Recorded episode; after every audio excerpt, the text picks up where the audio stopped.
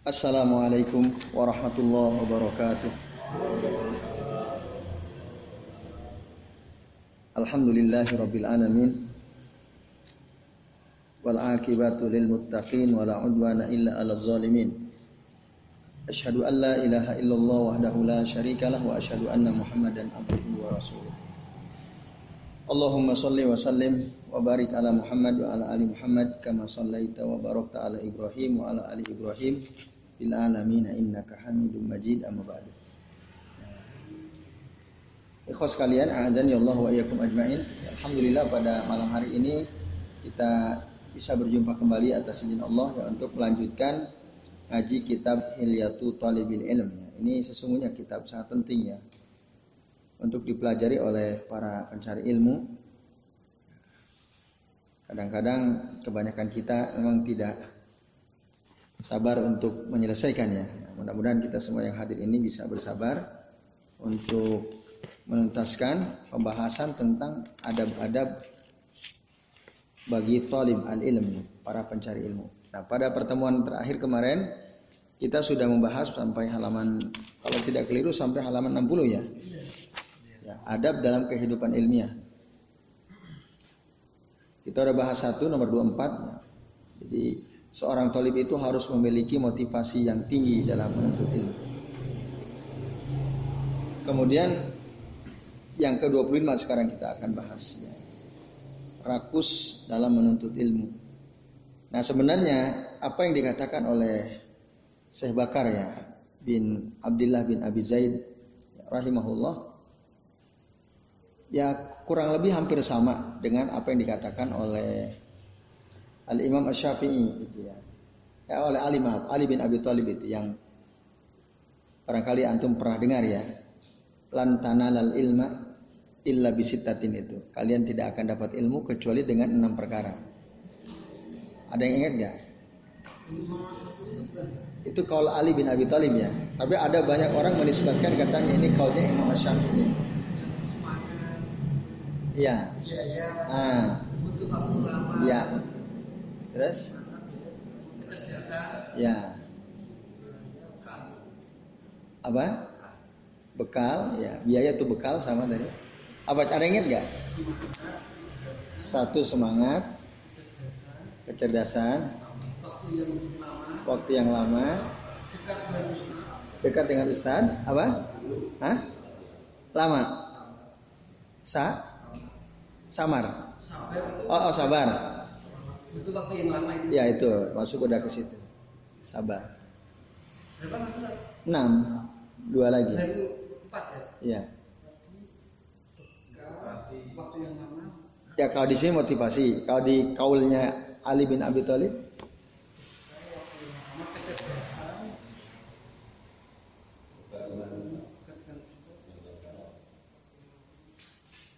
ya, jadi kata Ali bin Abi Thalib, lan tanalal ilma illa bisittatin. Kamu tidak akan pernah mendapat ilmu kecuali dengan enam hal ya, enam perkara. Kalau di sini hitung ada berapa tuh nanti? Ya, enam perkara. Kalau kamu punya enam perkara ini, kamu pasti dapat ilmu.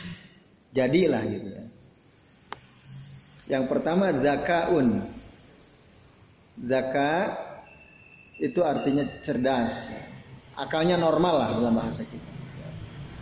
Karena ada banyak ulama dulu nggak cerdas, cuman bahkan ada yang sampai putus asa kan ah, udahlah pulang aja saya nggak paham-paham hanya pas lihat ada batu kena air hujan bisa berlubang juga artinya lama-lama pasti bisa balik lagi dia nah jadi zakat di sini intinya dia punya akal sehat lah.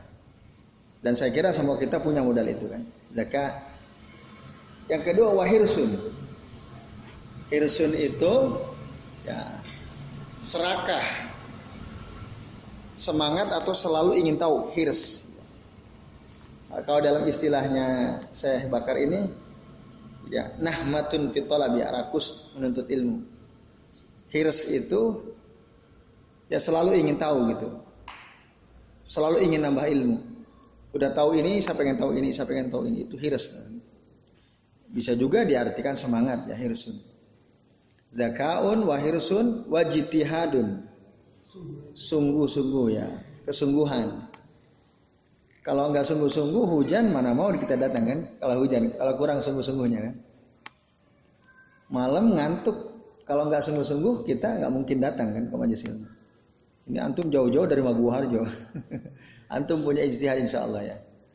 Oke sih kau Wajtihadun ya. Zakaun wahirsun wajtihadun.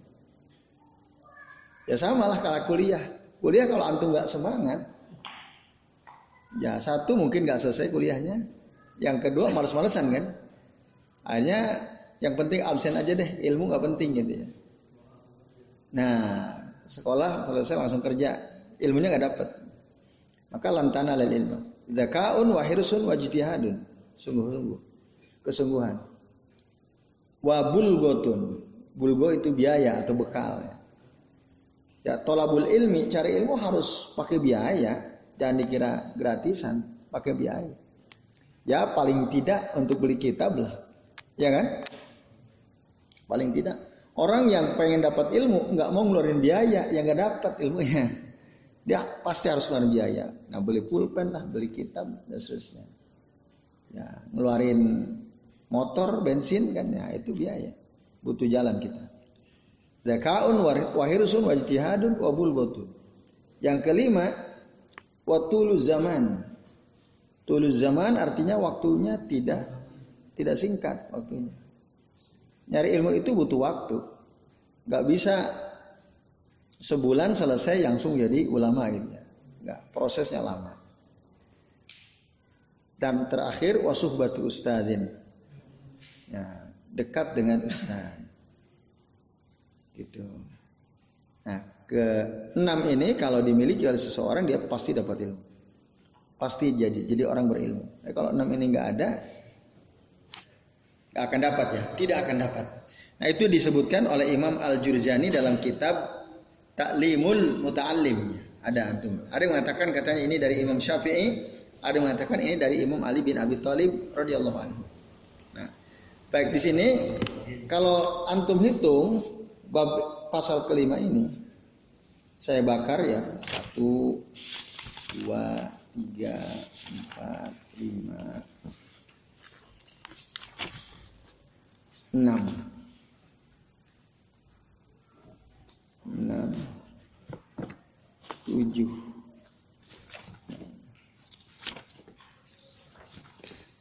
Wah lebih rinci ini ya.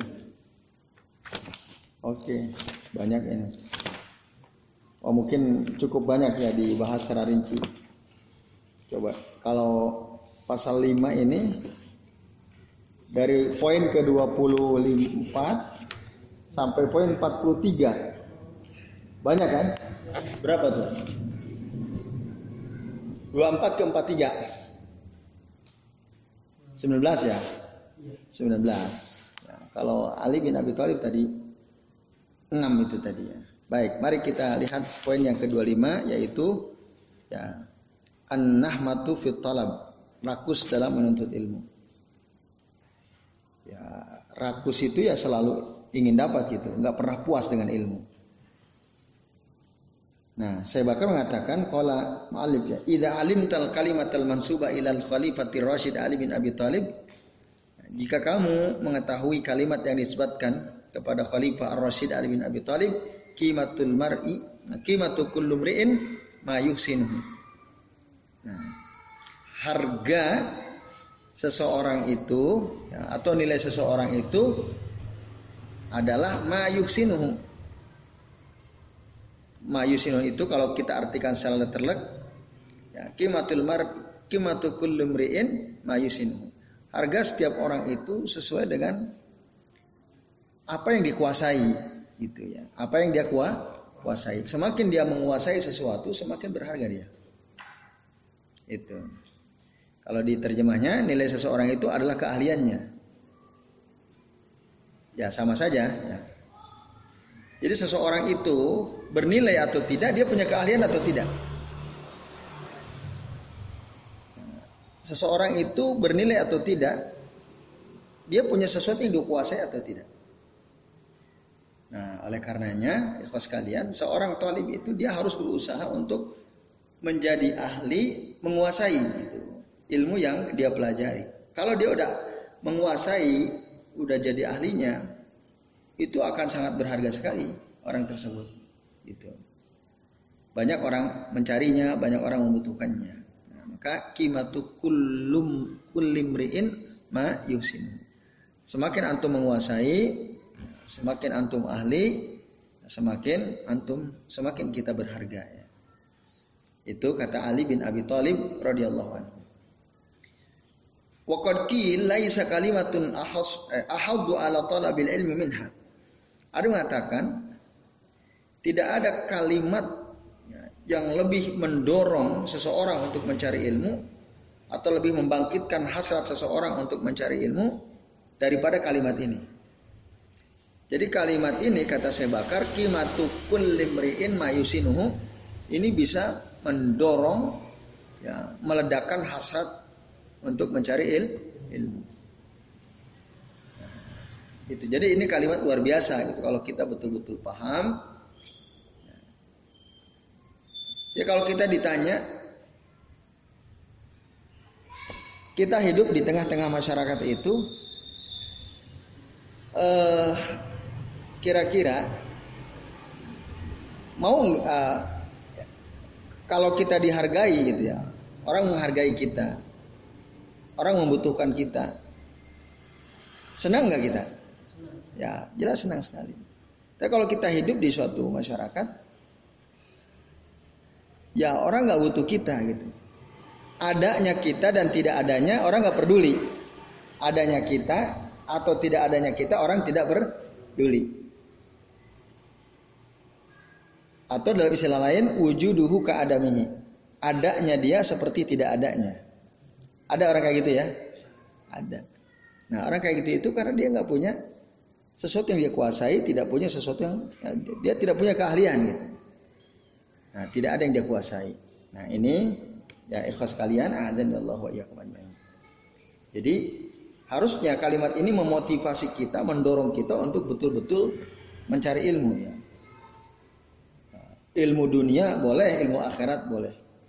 Tapi biasanya lebih banyak mana? Orang ingin menguasai ilmu dunia atau ingin menguasai ilmu akhirat? Lebih kalau di presentasi kira-kira banyak mana? Dunia ya. Sekarang dunia, orang mau jadi dokter itu bayar berapapun dia bayar kan? Ah, nah itu. Atau mau jadi apa saja saya kira ya. Mau jadi ahli IT ya, ahli komputer dan lain sebagainya, orang kejar bayar mahal dia berani.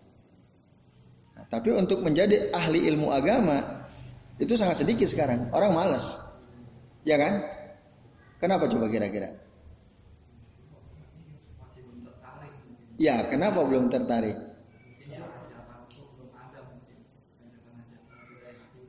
Oke, bisa jadi itu ya. Bisa jadi macam-macam lah. Atau bisa jadi karena ahli di bidang ilmu dunia itu lebih sejahtera daripada orang yang ahli di bidang ilmu agama. Jadi orang yang tertarik gitu, itu sebabnya kan. Ya. Banyak ya contoh begini aja deh. Orang buka kursus bahasa Inggris. Ya. Bahkan dia menyediakan privat bahasa Inggris. Yang butuh supaya anak yang bisa bahasa Inggris bisa nggak? Berani nggak bayar mahal? Berani. Tapi kalau kursus baca Quran, ya, tahsin Quran gitu ya. Misalnya bahasa Inggris minta sejuta satu bulan. Orang tua berani nggak bayar? Tapi kalau kursus baca Al-Quran, ikro sampai baca Quran, sebulan bayar sejuta berani nggak orang? Gak berani ya? Gak berani gitu Nah, Ya, itulah sebab kenapa orang kalau berdalam ilmu agama itu nggak mau. Nggak mau. Itu itu salah satu sebabnya. Walaupun tentu kalau dilihat dari sisi manfaat, ya Ah, ah, itu orang manfaat duniawi kan perspektifnya ke situ. Nah ini ini suatu kondisi yang memang sudah diprediksi akan seperti itu ya. Nabi sudah menyampaikan akan seperti itu. Nah oke. Okay. Nah kalau bisa memang kita menguasai dua. Kalau dulu bahkan ulama tiga sampai empat bidang ya. Selain menguasai ilmu agama, mereka ngikut uh, menguasai ilmu matematik, mereka menguasai ilmu astronomi misalnya. Itu lebih baik lagi. Antum misalnya jago di bidang apa? Nggak ada masalah. Boleh. Ada nggak? Mohon maaf ya, misalnya ada. Dia dokter, tapi juga perhatiannya terhadap ilmu agama ada, bagus. Tulisan-tulisannya bagus. Siapa? Ah, kan itu contoh, contoh. Beliau seorang dokter, tapi sungguh-sungguh juga belajar di agama. Orang udah nggak meragukan lagi gitu karena kesungguhannya. Gitu. Ah, banyak saya kira ya ah, orang yang apa dia dokternya berhenti nggak? Enggak kan? Tetap jalan kan? Keahliannya dipercaya juga orang. Orang percaya. Dulu begitu para ulama dulu seperti itu. Nah, artinya menguasai beberapa bidang keilmuan. Tapi agama tidak ketinggalan. Nah, ini besalian ya kalau bisa ya seperti itu. Antum menguasai apa, agama juga antum kuasai gitu ya. Oke, itu itu rakus ya.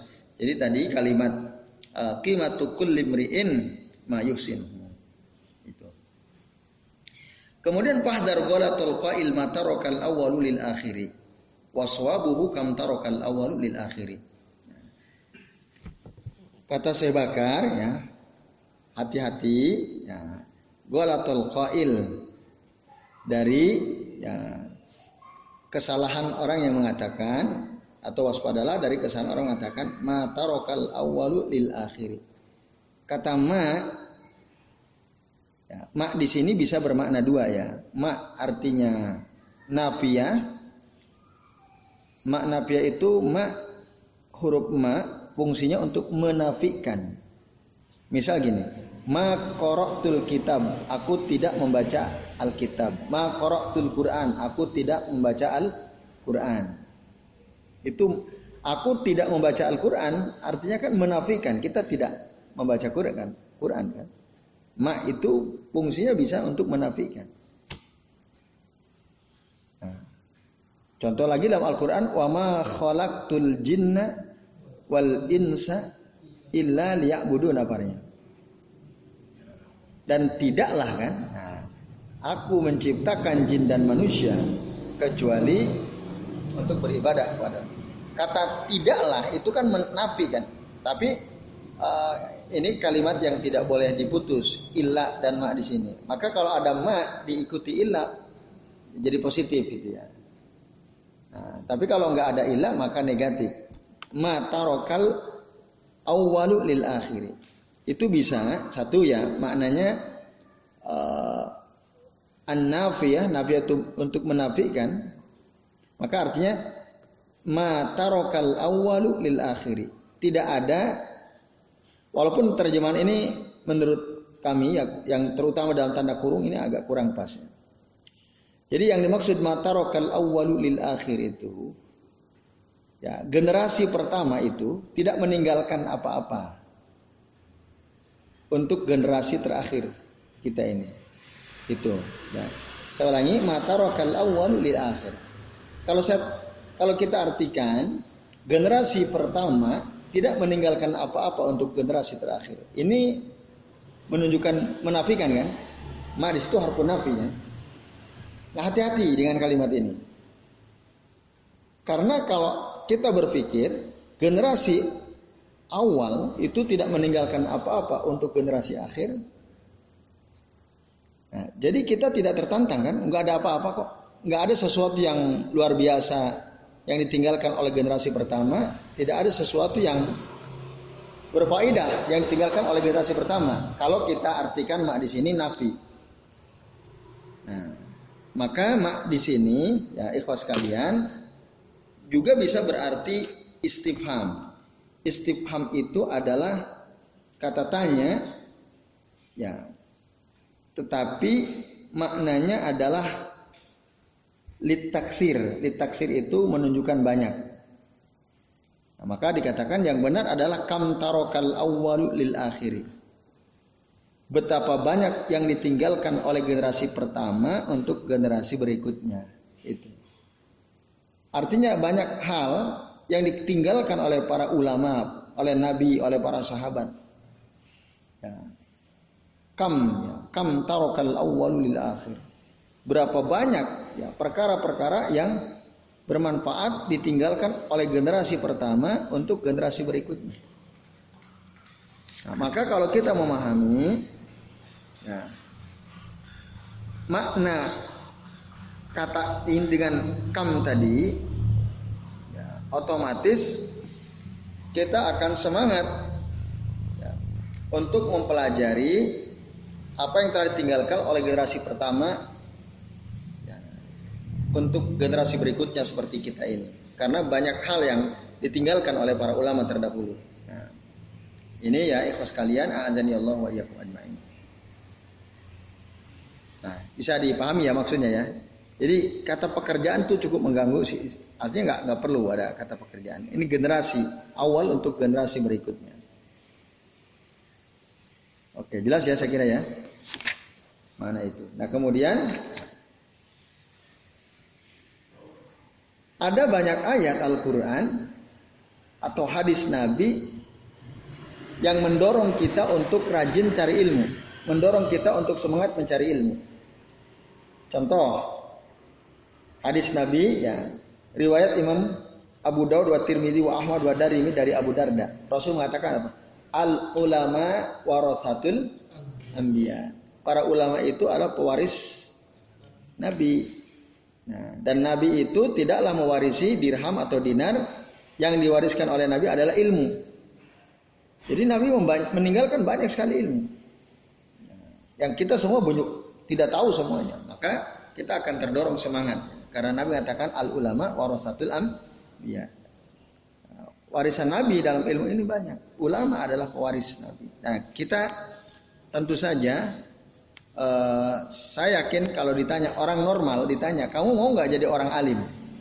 Orang berilmu mau atau tidak? Pasti mau orang berilmu. Nah orang berilmu suhut ulama dan ulama itu adalah pewaris nabi. Terus dalam Al-Quran misalnya keutamaan orang yang berilmu itu disebutkan dalam surah Al-Mujadalah ayat 11 ya. Yarfa'illahu alladhina amanu minkum walladhina utul ilma darajat. Allah mengangkat ya beberapa derajat orang-orang berilmu di antara kalian dan orang-orang yang eh, orang orang yang beriman di antara kalian orang-orang berilmu. Itu clear jelas sekali. Jadi siapa saja yang berilmu itu derajatnya pasti Allah angkat. Antum tahu bagaimana cara wudhu yang benar? Ya, tahu hadis-hadis Nabi terkait dengan masalah wudhu dengan orang dia bisa wudhu tapi nggak ngerti dalilnya. Ya, nggak ngerti, nggak pernah dia pelajari. Dia hanya ikut-ikutan. Gitu ya. Sementara kita wudhu seperti yang biasa kita lakukan dan kita tahu dasarnya. Setidaknya kita pernah mempelajarinya gitu ya. Dari kita bulu-bulu maram misalnya. Kita tahu oh wudhu begini begini lalu kita praktekkan. Satu berilmu pernah dia mempelajarinya, yang satu dia hanya ikut-ikutan. Kira-kira lebih berbobot yang mana? Tentu yang mempelajari, yang berilmu. Nah itu ya. Maka Allah angkat tuh derajatnya. Kalau orang ikut-ikutan dia nggak tahu apa saja yang membuat wudhunya tidak sempurna misalnya. Tapi orang yang sudah mempelajari ilmu-ilmu terkait masalah ini dia ngerti. Oh, kalau ada sebagian anggota tubuh yang terkena air wudhu itu nggak kena misalnya, maka wudhunya nggak sah. Kita tahu ilmunya. Misal kita wudhu nih tangan, kita lupa di sini ini ada bagian yang kering nggak kena. Nah, sah nggak wudhunya? Ya tidak sah gitu. Nah, ikhlas kalian. Orang suami istri ya berhubungan suami istri gitu ya tapi belum mandi, habis itu mau makan gitu, lapar, haus mau makan. Boleh atau tidak? Langsung makan. Langsung minum gitu ya. Setelah hubungan suami istri, haus atau wah ada makanan enak ah di meja tak makan gitu. Boleh atau tidak? langsung makan, langsung minum, nggak mandi dulu. Nah, kan beda tuh. Kalau orang nggak tahu ilmunya, dengan yang udah tahu ilmunya. Kalau udah tahu ilmunya, oh ros, boleh, belum mandi boleh, tapi Rasul itu selalu wudhu dulu, gitu. Minimal wudhu dulu. Dan itu masih banyak orang belum tahu. Minimal wudhu, ringankan dulu hadasnya. Wudhu, habis wudhu silahkan minum, silahkan makan. Walaupun belum mandi junub gak ada masalah. Tapi kalau belum wudhu, apalagi mandi gitu ya, langsung makan atau minum, nah itu tidak sesuai dengan kebiasaan Rasul Sallallahu Alaihi Wasallam. Nah dari situ saja kan beda tuh. Ya orang yang udah ngerti dengan yang tidak ngerti. Sederhana masalahnya. Tapi satu ngerti, yang satu enggak. Tahu satu tahu ilmunya, yang satu enggak. Ya itu ya ikhlas kalian. Azan ya Allah wa Ya boro-boro itulah, boro-boro itu. Yang lebih ringan dari itu, lebih ringan dari itu. Antum pernah kan pulang dari satu kegiatan ke rumah pakai jaket antum. Ya. Atau antum jalan-jalan olahraga pagi-pagi pakai sepatu antum. Beda sekali orang yang berilmu dengan orang tak berilmu. Orang tak berilmu kan buka sepatu asal buka aja kan? Iya, dia apa dia perhatiin kanan dulu apa kiri dulu? Enggak kan? Asal buka aja. Ah, oh kadang-kadang kita udah ngerti aja suka kelewat gitu ya. Ah, biar cepat. Jaket begitu juga. Padahal ilmunya kalau kita buka pakaian, buka yang kita pakai kiri dulu. Itu jelas ilmunya. Nah, itu beda. Maka derajat orang berilmu dengan tak berilmu jauh. Kalau dihitung semua aktivitas orang berilmu, dia melakukan semua dengan ilmu. Wah, pahalanya numpuk-numpuk. Mulai dari bangun tidur, ya kan? Baca doa, dia tahu ilmunya, ngusap wajah dia. Terus masukkan air ke hidung, cuci kedua telapak tangan. Ya, pakai sendal, sepatu, baju, mana duluan. Belum lagi doanya. Semua pakai ilmu. Wah, itu kan luar biasa derajatnya. Tapi ada banyak orang Ya nggak pakai ilmu asal normal aja dia. Bangun ya biasa. Dia nggak perhatikan mau tidur apa apa doanya dia ngerti yang penting tidur asal tidur. Berjalan kehidupan bisa jalan. Tapi tadi tanpa ilmu dia. Ah, bahkan orang berilmu itu pada saat dia jalan pun dia nanjak dia tahu ilmunya. Dia turun dia tahu ilmunya, ya kan? Ya, gitu kan. Allahu Akbar, subhanallah. Nah, tahu dia. Uh, bahkan dia salah sodakoh pun tahu ilmunya. Sodakohnya salah. Pas kita sodakoh kata orang, eh, kamu kok kasih dia? Kenapa emang? Dia tuh pencuri. Nah, apa tuh kalimat yang kita ucapkan saat kita salah sodakoh? Kamu kok sodakoh sama pencuri? Nah itu ada ilmunya. Nah, apa? Alhamdulillahi ala kulli hal. Nah, Alhamdulillahi ala kulli hal. Ya pokoknya semuanya alhamdulillah gitu. Itu. Lalu di hadis yang lain katakan karena tidak mungkin kita keliru bersodakok pada seseorang kecuali itu Allah yang mengizinkan kan. Kalau Allah tidak mengizinkan bisa mungkin nggak kita sodako sama pencuri? Ya nggak mungkin. Kita kan nggak ngerti. Ya. Ada cerita dalam hadis begitu. Ada orang sodako salah terus. Satu ke pencuri, dua sodako ke pelacur. Yang ketiga dia sodako kok sama orang kaya, bahkan lebih kaya dari dirinya. Diingatkan dia alhamdulillah ala kulli hal. Nah ternyata dia mimpi gitu ya. Itu ada manfaatnya semua. Ya dia dalam mimpi itu ada yang menjelaskan kamu sodako ke pencuri itu semoga dengan sodakomu dia berhenti dari mencurinya. Kamu sodako ke pelacur, pelacur kan melacurkan dirinya untuk dapat uang bisa makan dengan sodako itu semoga si pelacur itu berhenti. Nah terus sama orang kaya sodako gimana? Nah dalam mimpinya dia mendapatkan keterangan kamu ngasih sama orang kaya itu biar dia lebih banyak hartanya darimu. Tapi justru dengan sodakonya kamu kepada dia, nah itu menjadi pendorong dia ber, penggerak dia untuk sodako. Dia aja sodako sama saya, oh saya yang uangnya banyak kok nggak sodako. Kan nah itulah alhamdulillah ala kuliah. Nah itu. itu ilmu-ilmu ya yang diajarkan oleh Rasul SAW. Itu. Nah, maka memang jauh ya derajat orang berilmu dengan yang tak berilmu. Bahkan ada satu riwayat katakan naumatul alimi asadu ala syaiton min ibadatil ubad. Tidurnya orang berilmu itu lebih ditakuti oleh syaitan daripada ibadahnya ahli ibadah. Ada orang rajin sholatnya, rajin zikirnya, rajin baca Qurannya, tapi nggak pakai ilmu. Nah, sholat asal ikut-ikutan orang sholat. Zikir, zikir, zikir bid'ah, bid'ah dilakukan. Yang penting saya dapat dari Ustadz Pulan, kayak Pulan zikirnya begini. Oh dia amalkan. Zikirnya kuat dia. Tapi nggak pakai ilmu. Gitu.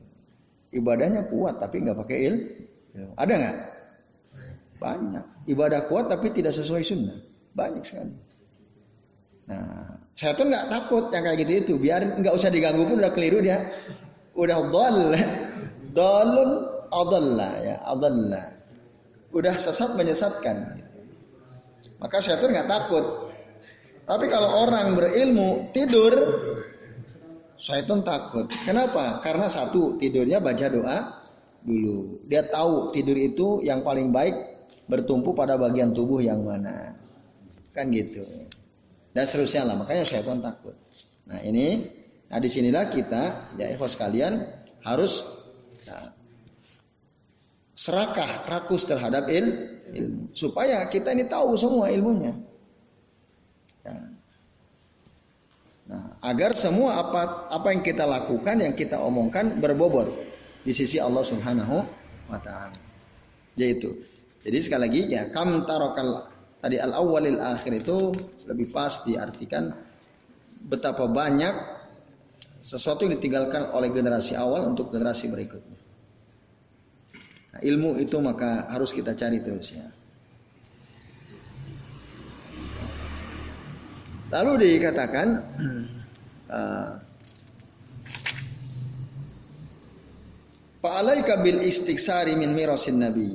Nah, maka hendaklah engkau memperbanyak warisan nabi. Ya, memperbanyak untuk menimba atau mendapatkan warisan nabi. Kalau bapak ibu antum meninggal, antum kan dapat warisan. Lebih senang mana antum dapat warisan banyak atau dapat warisan sedikit? Lebih senang mana? Ya. ya, tentu kita inginnya dapat warisan banyak kan? Dapat warisan rumah, warisan mobil, warisan kebun dan seterusnya kan? Senang nggak dapat warisan banyak? Senang kan? Nah, iya. Bahkan yang bukan bagian kita pun kadang-kadang kita sikat juga kan. Nah, Masya Allah. Ya, Subhanallah. Ada ada nggak orang kayak gitu? Bukan bagian dia, dia sikat juga. Nah, nah warisan Nabi harusnya juga sama. Kita ingin mendapatkan banyak warisan Nabi sebagaimana kita ingin mendapatkan banyak warisan dari orang tua kita kan itu. Nah, apa warisan Nabi? Ya ilmu itu, ilmu. Tapi banyak orang nggak tertarik sama ilmu. Yang saya pernah cerita ya Abu Hurairah. Suatu saat dia datang, beliau datang ke pasar-pasar. Cerita, eh, ya ikhwas kalian, kalian tahu nggak? Sekarang ini di masjid itu sedang ada pembagian warisan Nabi SAW. Wah apa iya iya? Oh. Iya. Nah, Nabi itu kan untuk apa bapak untuk seluruh orang beriman kan. Makanya isi-isi Nabi itu disebut umul mukminin. Ibunya orang beriman. Nabi itu bapak seluruh. Berarti warisannya untuk seluruh orang beriman. Ah, gitu ya. Ada kok cerita, orang tertarik di pikiran orang warisan itu harta. Langsung tergopoh-gopoh meninggalkan toko-toko mereka berangkat ke masjid untuk dapat warisan Nabi. Pas sampai sana mereka tengok orang-orang sedang begini ini. Ada sahabat menyampaikan, ada yang mendengarkan gitu. Kecewa mereka kan. Wah katanya ada pembagian warisan. Abu Hurairah ini macam-macam aja nih. Akhirnya mereka balik lagi ke pasar. Eh ketemu Abu Hurairah di tengah jalan. Lah kenapa kok kalian balik? Kamu katanya pembagian warisan. nggak ada apa-apa di sana cuma ada orang lagi ngaji itu. Lagi satu dengerin uh, menasehat, wasiat, yang lain dengerin. Oh, itu bukan warisan itu pengajian gitu lagi lagi ya. Nah, Abu Hurairah boleh itulah warisan Nabi ilmu itu. Nah, jelas apa? Itu ya. Nah, ini ya. Ya, karena apa? Kita datang ke rumah saudara ada pentingnya membahas iman di rumah. Hmm. Oh iya, tapi begitu masuk loh. Oh cuma aja. Ah. Sudah dibilangin. Ah. Membahas iman. Iya. Nah itulah. Jadi, nah di sini kan dikatakan fa'alaika bil istiksari min mirosi an nabiya. Hendaklah kamu memperbanyak dari mendapatkan warisan warisan nabi. Tapi banyak orang nggak tertarik gitu ya yang sekalian. Nah ini ya, ya padahal ya ilmu sangat berharga, ilmu sangat berharga. Kemudian wabdulil wus'afi talabi wa tahsili wa. Nah, bahkan kata saya bakar, kerahkanlah tenagamu ya, untuk mencari ilmu, dikerahkan tenaganya. Ya, itu fit ya untuk mencari ilmu wat tahsil wat untuk mengkajinya dan untuk merincinya. Itu cari perbanyak wa mahma balagta fil ilm fatadzakkar kam tarakal awwalil akhiri. Meskipun engkau sudah punya banyak ilmu. Tapi ingat ya, betapa banyak sesuatu yang telah ditinggalkan oleh generasi pertama untuk generasi berikutnya. Jadi ikhwas kalian Kira-kira ilmu yang kita punya ini sudah banyak apa belum?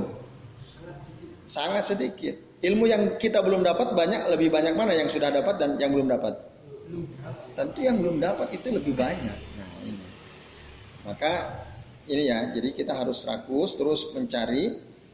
Ya, ketika antum dengar kitab ini, uh saya ingin beli kitab ini. Antum dengar kitab ini, saya ingin tahu, saya ingin beli kitab ini Nah itu, kalau antum sudah tergerak begitu ya, itu tanda berarti ya dalam diri kita itu ada rasa semangat atau rakus terhadap il, ilmu. Oh, saya dengar katanya pembahasan ini ada dalam kitab ini, ada dalam kitab ini. Oh, saya cari deh supaya saya ngerti, saya paham dan seterusnya. Jadi ini ya, yang sekalian, azan ya Allah wa iyyakum ajmain. Nah, maka tadi ya, perbanyak terus mencari ilmu. Lalu kata saya Bakar ya, disebutkan Wafi tarjamat ya Ahmad bin Abdul Jalil min tarikh Baghdad lil Khatib al-Baghdadi ya zikrun min qasidatin lahu. Dalam biografi seorang tokoh namanya Ahmad bin Abdul Jalil ya ada yang mengatakan Ahmad bin Ubaid lil Khalil ya. Ada dua versi.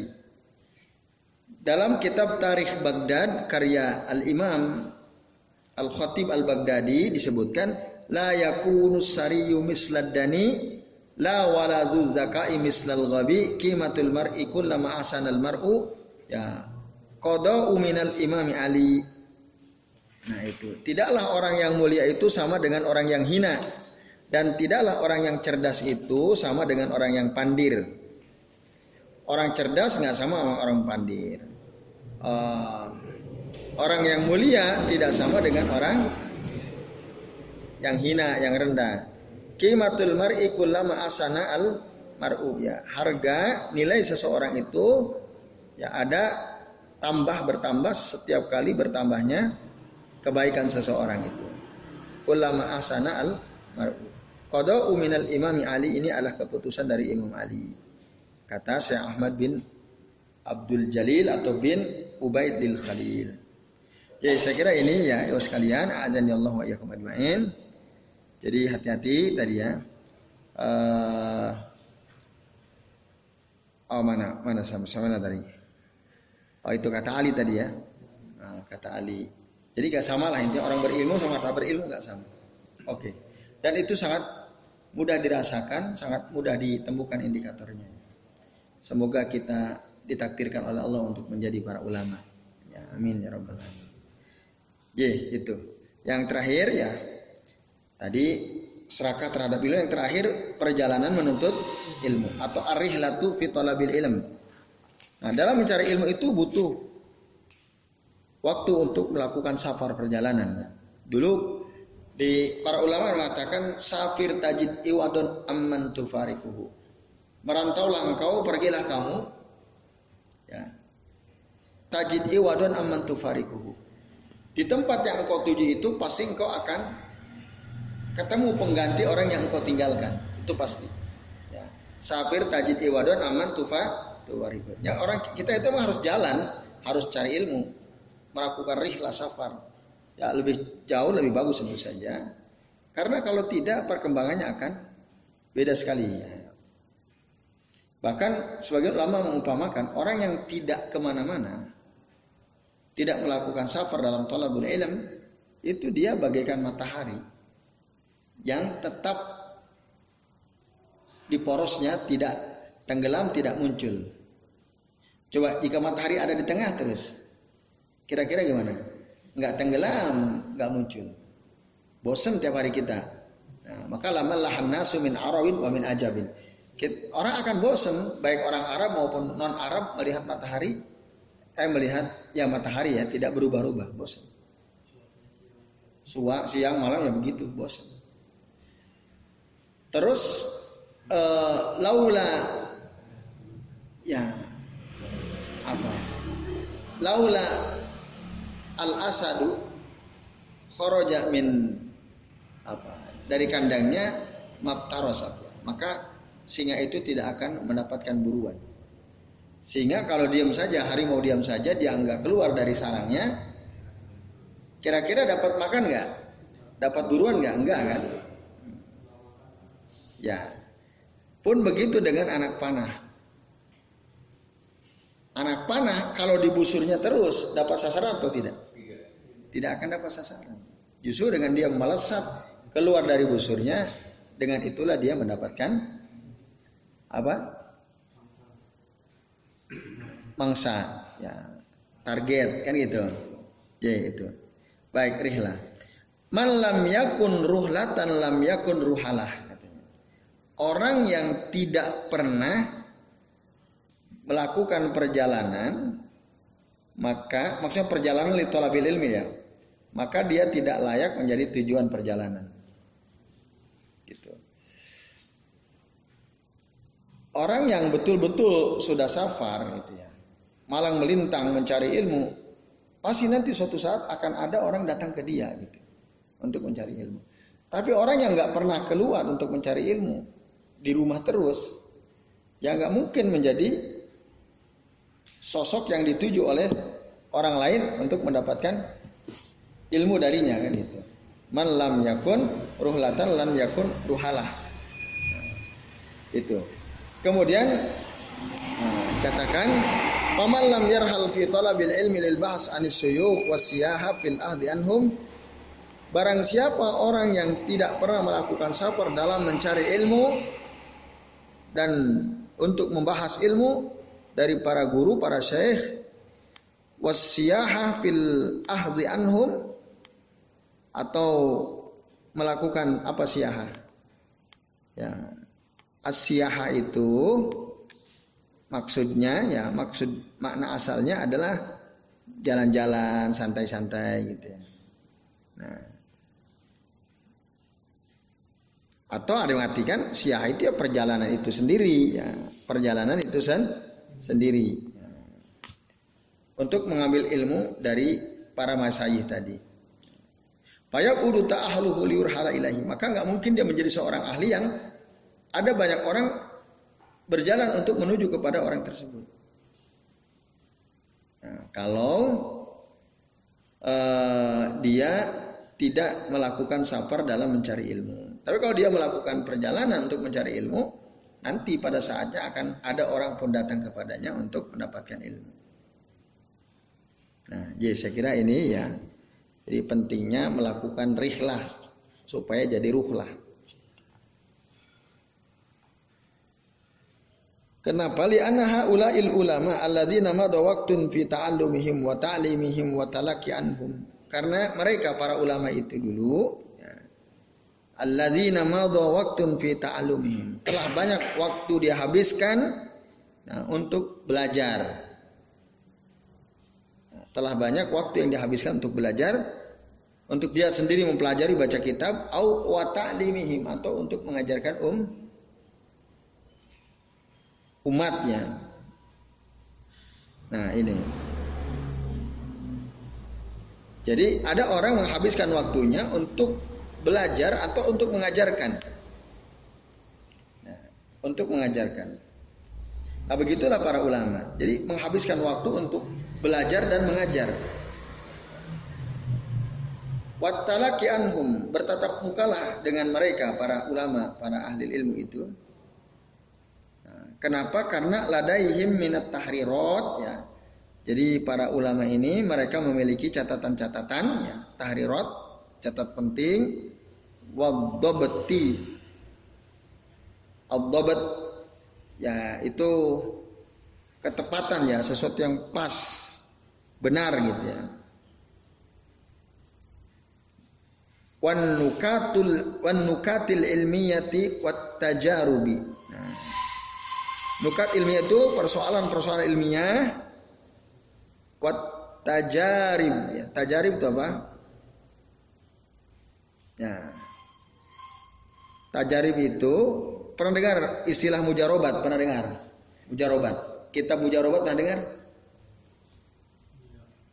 It. Pernah dengar tapi cuma nggak paham pernah pernah dengar saja. Hmm. Bahasa apa itu? Pernah dengar parukunan? Gak pernah malah. Mujarobat ya, kitab mujarobat tuh Nah itu kata at-tajarub itu maksudnya kalau kita langsung ketemu para ulama ya. Uh, saat kita bisa mengambil faidah ilmu ya. Karena mereka ini banyak melakukan tajarub. Tajarub itu uji coba, uji coba, uji coba sampai akhirnya berhasil gitu ya. Wa ma ya'izul lukub alaihi au ala nazairihi fi uh, butuni al-asfar ya wa ma ya'izul wukuf alaihi au ala nadhairihi. Nah, maka apa? Ya'izu al-wukuf. Dia akan menjadi mulia ya. Siapa nih yang akan menjadi mulia itu? Ya orang-orang yang melakukan perjalanan sah, safar untuk mencari il, ilmu. Nah, ini ya, sekalian. Uh, au ala nadhirihi fi butunil asfar. Di sini kalau di sini di lihat halaman bawah itu 64 ya. Betul. Eh 62 ya. Ah. 62. Ya 62 ya. Nah, jadi saya katakan Tajarub itu pengalaman-pengalaman atau yang serupa dengannya. Itu jarang didapati ya. Jarang didapati di lembaran-lembaran buku. Itu ya. Fi butunil ashar itu maksudnya sofahatil kutub ya. Atau diartikan tadi lembaran-lembaran buku ya. Itu ya ikhwas kalian azan ya Allah wa yakum ajmain. Jadi apa yang kita dapatkan dengan rihla itu, ketemu para kiai, para guru, para ustadz, yang kita dapatkan dengan cara seperti itu, itu itu namanya talaki ya. Ini model talaki seperti ini. Nah, ya, kan orang-orang yang kita pelajari ilmu darinya, dia sudah banyak baca kan. Mungkin udah malang melintang dia bertahun-tahun gitu ya baca kitab khususnya. Oh, di sini dia punya tahrirat ya catatan-catatan, ketelitian, poin-poin ilmiah. Nah, uh, itu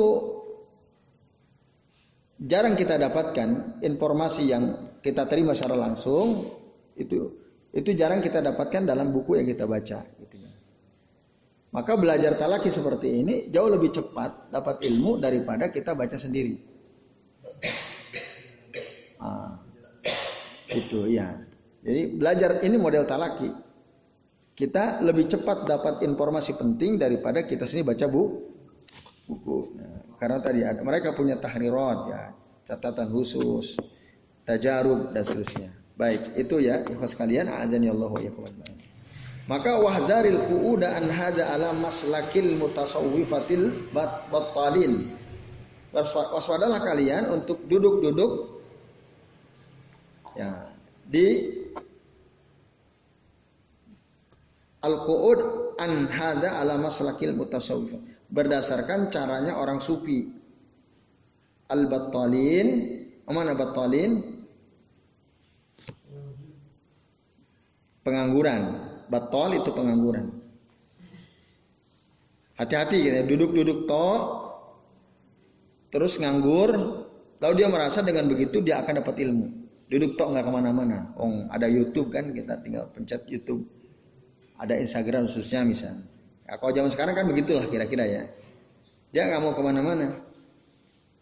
Nah, itu. Maka hati-hati dari orang ini dan hati-hati pula dari orang yang mendahulukan ilmu al khorok ala ilmil warok. Ilmu khorok ala ilmil warok. Apa itu ilmu khorok? Khorok itu ilmu yang di luar kebiasaan. Ada namanya khorikul adah di luar sesuatu yang terjadi di luar kebiasaan. Uh, bisa melenceng, bisa tidak. Oke, jadi saya ulang ya. Wahdar al-qu'ud ala hadza ala maslakil mutasawwif al-battalin. Maksudnya kita harus waspada untuk duduk diam saja. Lalu kalau kita belajar, ya belajar yang kita ikuti adalah jalan yang ditempuh oleh orang-orang sufi dan al-battalin ya, para pengangguran. Yang alladzina yufaddiluna ilmal kharaq ala ilmil waraq karena mereka ini lebih mendahulukan ilmu waraq daripada ilmu kharaq. Siapa mereka yang dimaksud sini? Yang lebih mendahulukan ilmu apa tadi kharaq daripada ilmu waraq itu siapa? sufi ya. Lebih mendahulukan ilmu ilmu warok daripada eh, ilmu horok apa warok? Di luar mana? Khirok khirok horok itu di luar kebiasaannya. Tapi kalau warok itu dapat ilmu dari lembaran-lembaran kitab baca buku gitu. Nah hati-hati ya terhadap kaum sufi yang lebih mendahulukan ilmu khorok atau ilmu khirok di atas ilmu warok. Kita disuruh untuk hati-hati. Karena ada orang dia lebih cenderung ketika dia nuntut ilmu dengan cara ya bukan dengan cara membaca dari kitab-kitab. Itu bukan dia dia kejar ilmu laduni gitu ya misalnya. Katanya ada ilmu laduni, pernah dengan ilmu laduni? Tanpa belajar langsung dapat. Nah, itu kata sebagian orang. Nah, sebenarnya ya sekalian, azan ya Allah wa ajmain. Ya. Ilmu khorok itu ilmu yang didapat dari kitab-kitab yang diajarkan oleh para ulama, sementara ilmu khorok, eh, ilmu ya ilmu warok tadi, ilmu warok ilmu yang diajarkan oleh para ulama ya, dengan kitab-kitab tentu yang uh, sudah disediakan. Ya. Itu namanya ilmu warok. Khirok itu yang nggak pakai kitab, nggak pakai pena belajarnya. Nah, orang sufi meyakini bisa seperti itu. Itu mah ilmu laduni. Itu. Bahkan dalam tidur dia bisa dapat ilmu gitu ya. Nanti orang ngomongin apa gitu ya. Amalan apa jadi ilmu. Itu, itu yang namanya ilmu kharak, khirak atau kharak. Nah, itu ikhwas sekalian, azan ya Allah wa. Nah, hati-hati ya, orang yang mendahulukan ilmu kharak di atas ilmu warak.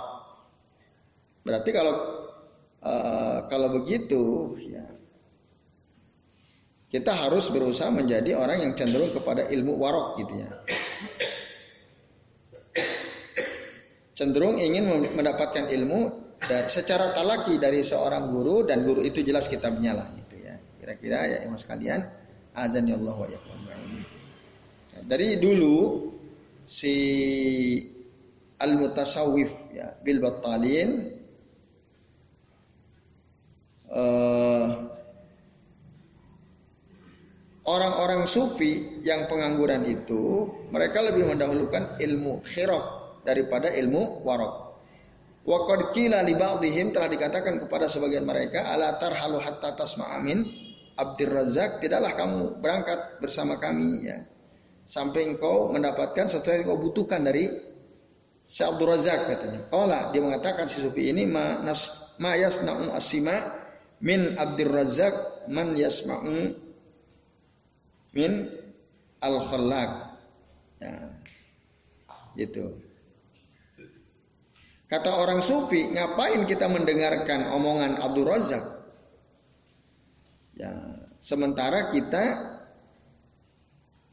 nah, man yasma'u minal khallaq ya. Uh, jadi orang sufi mengatakan mereka tidak mau ya mendapatkan ilmu dengan cara mendengar dari Syekh Abdul Razak. Man yasma'u minal khalaq ya seorang tokoh yang didengar oleh banyak orang juga ya. Syekh Abdul Razak ini ya dulu ulama besar ya pada zaman yang digambarkan oleh Syekh Bakar ini. Terus ada orang sufi suruh belajar nggak mau. Ya. Karena Syekh Abdul Razak kan sama-sama manusia gitu. Kita dapat ilmu ya sama-sama dari orang, nggak ada istimewanya gitu. Apalagi dia baca kan dari kitab, itu namanya ilmu warok. Tak laki nggak mau mereka. Nah, maunya ilmu khirok tadi langsung nggak usah belajar, nggak usah baca kitab, langsung tahu ilmunya. Nah, nah ada ya suatu ketika ada seorang ustadz bilang begini, tadi saya pernah ditanya oleh banyak orang. Saya tuh kalau lapas ngisi pengajian ditanya, saya selalu doa saya itu yang paling sering saya ucapkan, ya Allah semoga aku bisa diberi kemampuan untuk menjawab pertanyaan.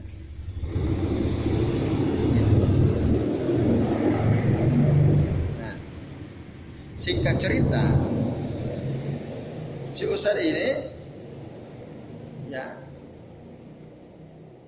singkat cerita tadi gimana cerita awalnya si Ustaz ini? Gimana?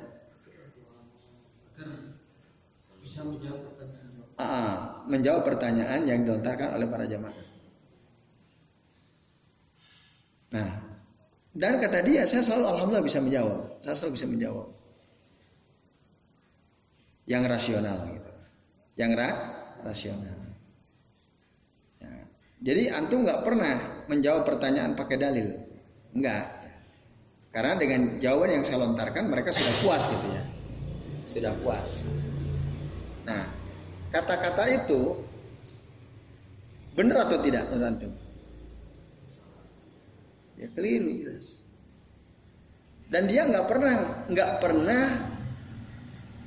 tidak bisa menjawab. Dia selalu bisa menjawab karena doanya itu ya Allah berikan saya untuk menjawab. Tapi dia cerita jawaban saya selalu begini begini begini. Artinya beliau hampir tidak pernah ketika menjawab pertanyaan seseorang atau ada orang minta fatwa itu tanpa tanpa dalil gitu ya. Nah ini sama nanti dengan orang sufi yang nggak mau belajar pakai kitab. Langsungnya Indo Laduni itu ya. Maka kemarin ada kami bahas ya ada ulama dilecehkan ya. Nah, oleh si orang-orang sufi ini.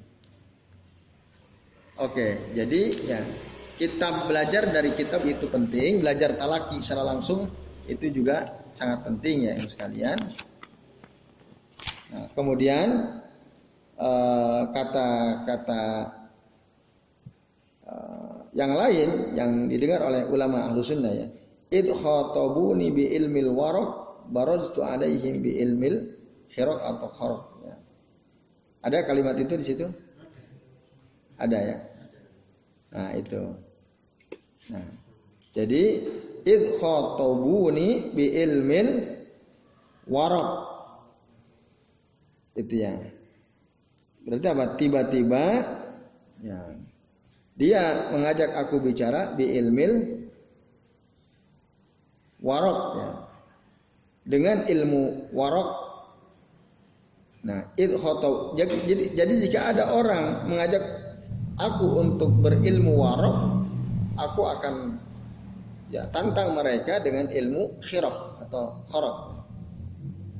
Itu orang sufi begitu. Dia nggak dia nggak suka kalau belajar itu ada warok itu asli makna asalnya lembaran-lembaran. Dia nggak suka. Nah, yang dia suka itu adalah ilmu khorok atau khirok orang-orang sufi itu.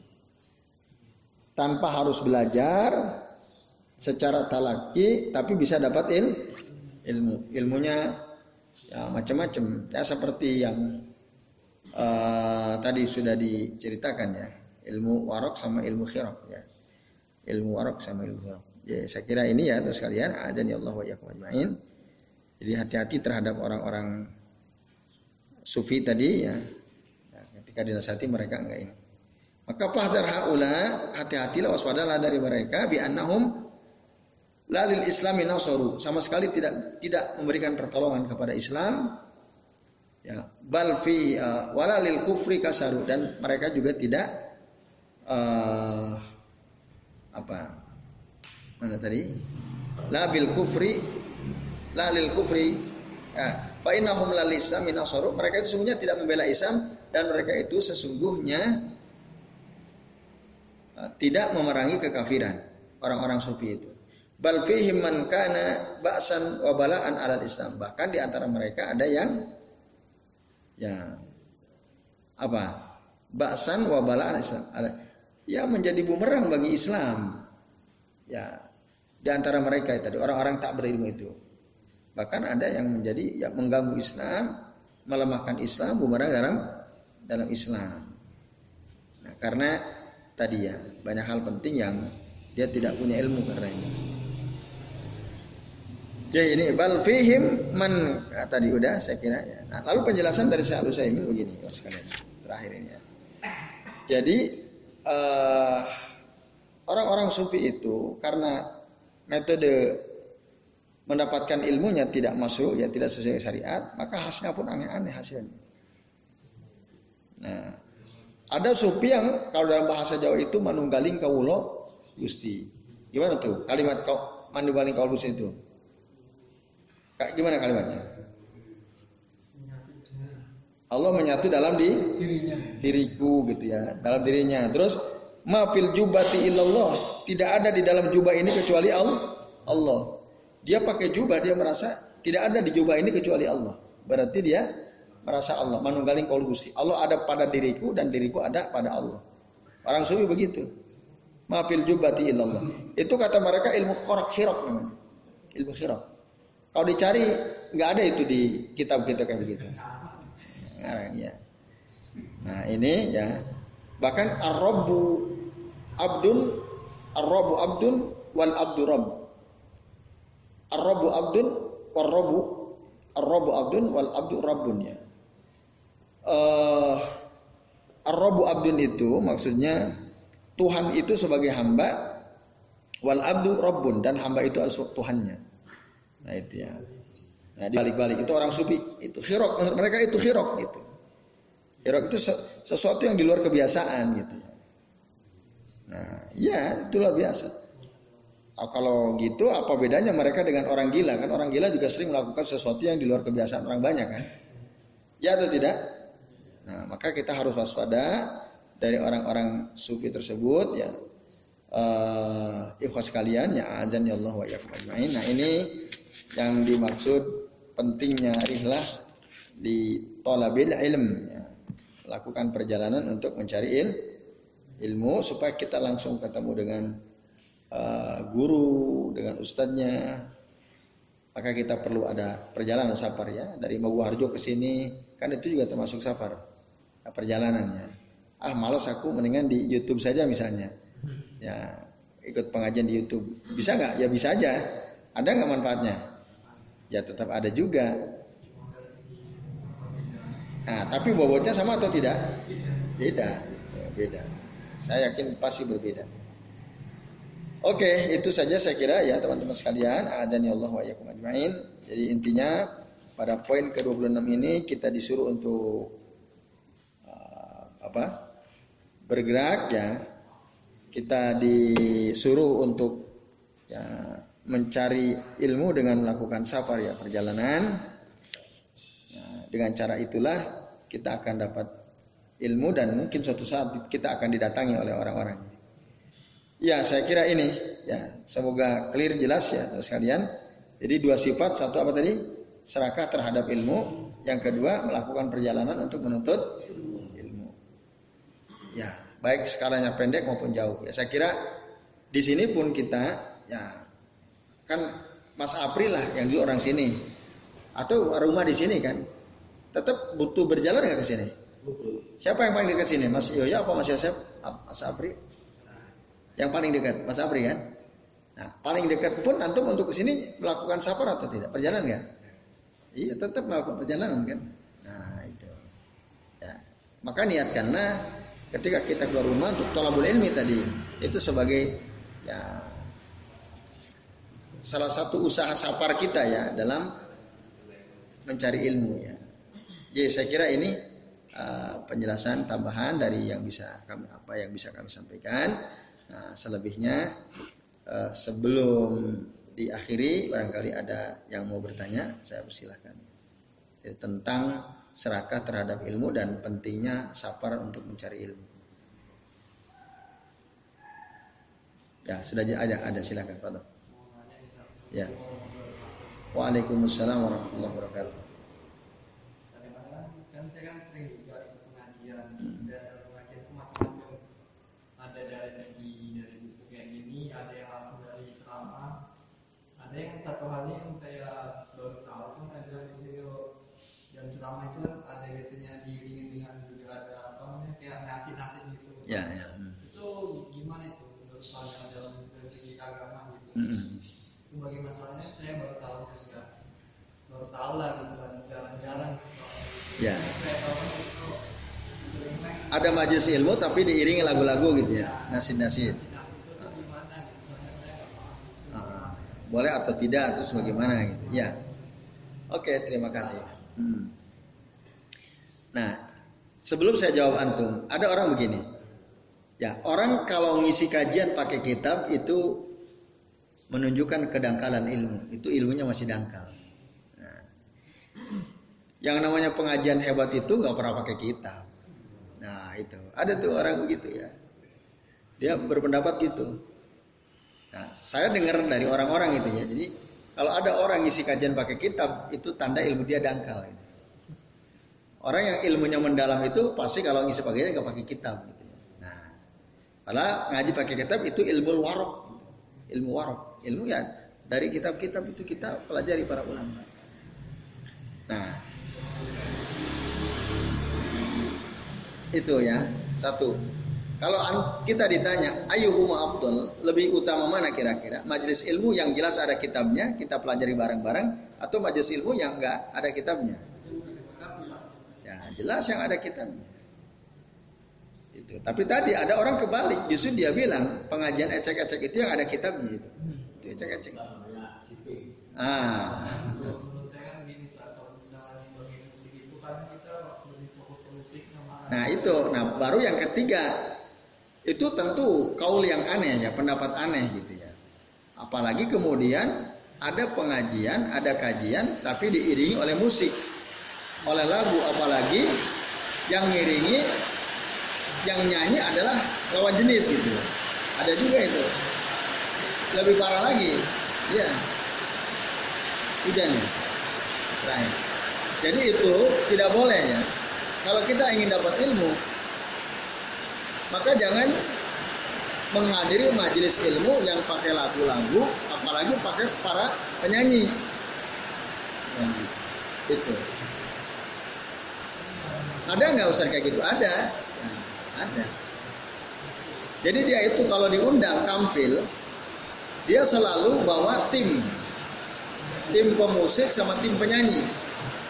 Nanti di tengah-tengah dia udah capek, ngisi ngomong sebentar, nanti musik, musik jalan sambil nyanyi.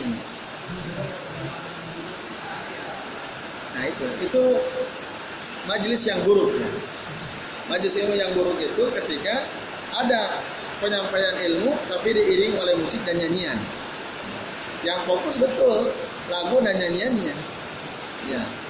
Saya pernah gitu menghadiri pengajian akbar dengan Ustadz Bulan. Ya.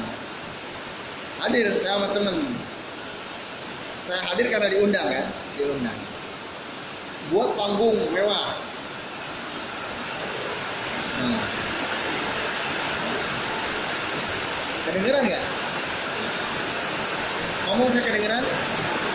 Sama-sama ya. Ntar kita. Ini hujannya deras sekali ini.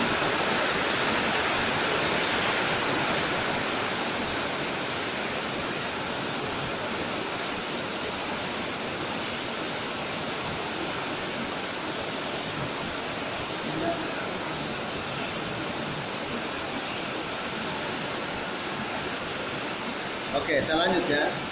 Dikit lagi nih. Pas saya hadir, dia bawa tim, bawa penyanyi. Penyanyi itu perempuan-perempuan. Ya, mungkin juga ada nikah sebagian ya. Sama bawa alat-alat musik gitu. Pokoknya setiap dia ngisi pengajian, ya mungkin 5 menit, 10 menit lagu, nyanyi, terus begitu. Bahkan para penyanyinya sering diajak bercanda sama suasananya itu. Kata teman saya, yuk pulang ngapain di ngaji nggak benar kita dapat ilmu nggak? Enggak dapatnya nonton yang nyanyinya itu. Nonton yang nyanyinya dengerin lagunya. Nilainya apa? Ada. Ilmu yang kita dapat. Nggak ada. Jelas walaupun dia lucu usaha itu lucu ya. Udah lucu masih belum puas dia. Pakai lagu pakai musik. Ilmunya nggak dapat. Ilmunya nggak dapat. Nah maka setelah ini antum kalau ada majlis seperti itu sebaiknya nggak perlu diikutin, tinggalkan saja. Ya itu yang saya pahami ya.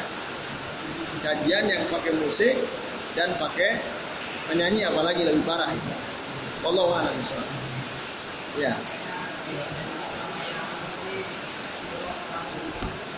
Warok sama hirok. Apa? Ya, ada ya. Artinya ngaji kayak gitu nggak bukan bukan yang warok itu bukan. Bukan warok.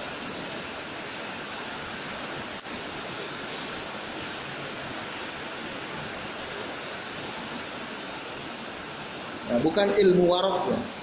Yang kayak gitu bukan ilmu pengajian yang ketika disampaikan ya banyak dagelannya, banyak nyanyian dan musiknya itu bukan ilmu warok.